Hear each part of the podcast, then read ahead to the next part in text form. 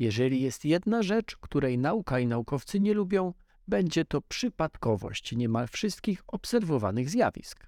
To przypadek bowiem powoduje, że wynik obserwacji może wynikać po prostu ze splotu okoliczności, a nie pewnej prawidłowości. Jakie znamy fascynujące przypadkowe odkrycia naukowe? Witam Was na moim podcaście o nauce. Nauka to lubię i zapraszam do słuchania. Często wielkie odkrycia są wynikiem przypadku. Dobrze ilustruje to historia odkrycia w 1967 roku przez astronomów z obserwatorium w Haute-Provence raczej nieoczekiwanej obecności pasma neutralnego potasu w widmie gwiazdy zarejestrowanym przez radioteleskop. Początkowo wysuwano śmiałą hipotezę dotyczącą wyrzutu tego pierwiastka e, przez gwiazdę, jednak bliższa analiza wykazała, że e, rzeczywistym jego źródłem są zapałki, którymi technicy obsługujący teleskop zapalali papierosy w czasie pracy teleskopu. Choć zatem tego typu przypadków nie da się całkowicie wyeliminować, od tego czasu w prowansalskim obserwatorium obowiązuje zakaz palenia. To właśnie roztargnieniu Aleksandra Fleminga ludzkość zawdzięcza odkrycie pierwszego antybiotyku. Przez przypadek pozostawił on na kilka dni odkrytą szalkę z kulturami bakterii gronkowca złocistego, przez co dostały się do niej zarodniki pleśni.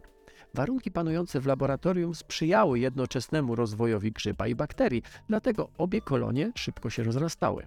Gdy Fleming po powrocie zauważył hodowlę zepsutą pleśnią, zobaczył też, że kolonie bakterii mające z nią styczność przestały się rozwijać, a nawet obumarły. Fleming doszedł do wniosku, że skoro pleśń jest toksyczna dla bakterii, a jednocześnie w zasadzie nieszkodliwa dla człowieka, to widocznie zawiera ona substancję, która może stosunkowo łatwo i skutecznie zapobiegać powszechnym wówczas zakażeniom. W efekcie podjętych badań w 1932 roku wyizolował penicylinę, której wiele osób zawdzięczało później życie.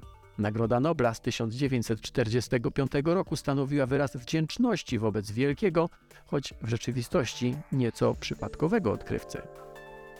Kolejne odkrycie miało podłoże militarne, choć jego efekt ostatecznie zagościł w milionach kuchni. Technologia radarowa, która w 1940 roku uratowała Wielką Brytanię, gwałtownie rozwijała się także w latach powojennych. I właśnie podczas badań nad radarem mikrofalowym Amerykanin Percy Spencer, pracownik koncernu Rayton, zauważył, że magnetron emitujący fale spowodował rozpuszczenie się czekoladowego batonika znajdującego się w jego kieszeni. Wprawdzie fakt nagrzewania się obiektów napromieniowanych radarem znany był już wcześniej, ale to właśnie Spencer, zaintrygowany swoją obserwacją, wpadł na pomysł poddania eksperymentom różnych produktów żywnościowych.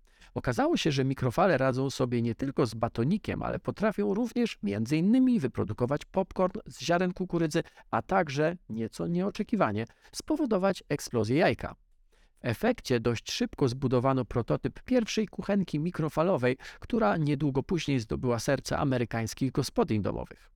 Choć samemu Spencerowi odkrycie przyniosło sukces zawodowy, po latach został m.in. członkiem Rady Nadzorczej koncernu, to jednak nie był on połączony z bezpośrednim udziałem w zyskach. Jako etatowy pracownik Raytona za swój wynalazek otrzymał honorarium w wysokości 2 dolarów.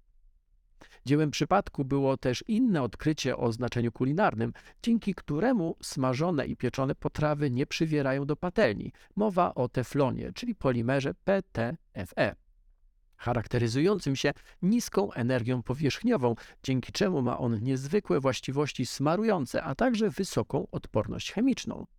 Jego odkrywcą był Roy Planet, pracujący dla koncernu chemicznego DuPont. W 1938 roku prowadził on rozmaite doświadczenia z gazem o nazwie TFE, poszukując taniej i łatwej w przechowaniu substancji chłodzącej, której można by użyć w lodówkach. Pomiędzy eksperymentami gaz był przechowywany w niskich temperaturach w niewielkich pojemnikach. Ku swojemu zaskoczeniu Planet zauważył, że choć masa zamkniętego pojemnika nie zmienia się, gaz w tajemniczy sposób znikał, pozostawiając na ściankach białą, pylistą substancję. Ponieważ szkoda było cennego gazu, postanowił bliżej przyjrzeć się właśnie tej substancji. Okazało się, że wprawdzie efekt polimaryzacji TFE nie ma zastosowania w chłodnictwie, jednak wykazuje kilka innych bardzo ciekawych właściwości, które można wykorzystać w inny sposób. Początkowo sama technologia produkcji PTFE była zbyt kosztowna, jednak jej wykorzystanie w projekcie Manhattan wkrótce pozwoliło znacznie ograniczyć koszty, a w efekcie przenieść wynalezioną substancję na powierzchnię patelni. Grawitacja wydaje się zjawiskiem na tyle oczywistym, że potrzeba było Newtona, aby zauważył możliwe konsekwencje spadającego na Ziemię jabłka. A wiele zupełnie współczesnych odkryć i wynalazków było możliwych właśnie dzięki wykorzystaniu konsekwencji tego zjawiska. Jednym z podstawowych problemów astronautyki jest skonstruowanie napędu, którego ciąg pozwoliłby na przenoszenie ładunku większego niż masa paliwa y, konieczna do jego pracy. Jednym z rozwiązań okazało się wykorzystanie tzw. Tak asysty grawitacyjnej, polegającej na zmianie prędkości i kierunku ruchu pojazdu w wyniku oddziaływania na nie pola grawitacyjnego dużych obiektów, przede wszystkim planet. To właśnie ten manewr pozwolił na realizację lotu sond Voyager 1 i 2, które dzięki korzystnej konfiguracji planet były w stanie nie tylko odwiedzić i sfotografować je, ale także uzyskać energię konieczną do lotu przez Układ Słoneczny. Obecnie asysta i oparty na niej tzw. Tak manewr transferowy Hochmana są powszechnie stosowane do planowania niemal wszystkich podróży międzyplanetarnych, m.in. na Marsa. Co ciekawe, grawitacja okazała się również dobrą metodą wspomagania obserwacji. Chodzi o zjawisko mikrosoczewkowania grawitacyjnego powodującego zakrzywienie fali elektromagnetycznej, a więc także światła w polu grawitacyjnym. Dzięki temu obrazy odległych obiektów mogą ulec pojaśnieniu, jeżeli na ich drodze stanie obiekt o dużej masie.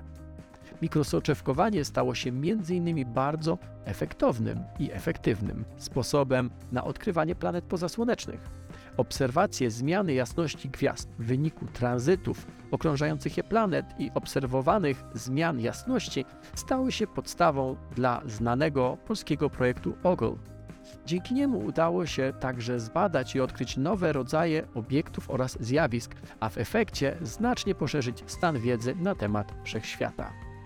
Nie są to jedyne przykłady znaczenia przypadku w rozwoju nauki, choć często zaburza on przebieg eksperymentów, czasem stanowi punkt zwrotny, który prowadzi do odkrycia zupełnie nowych zjawisk, ich właściwości.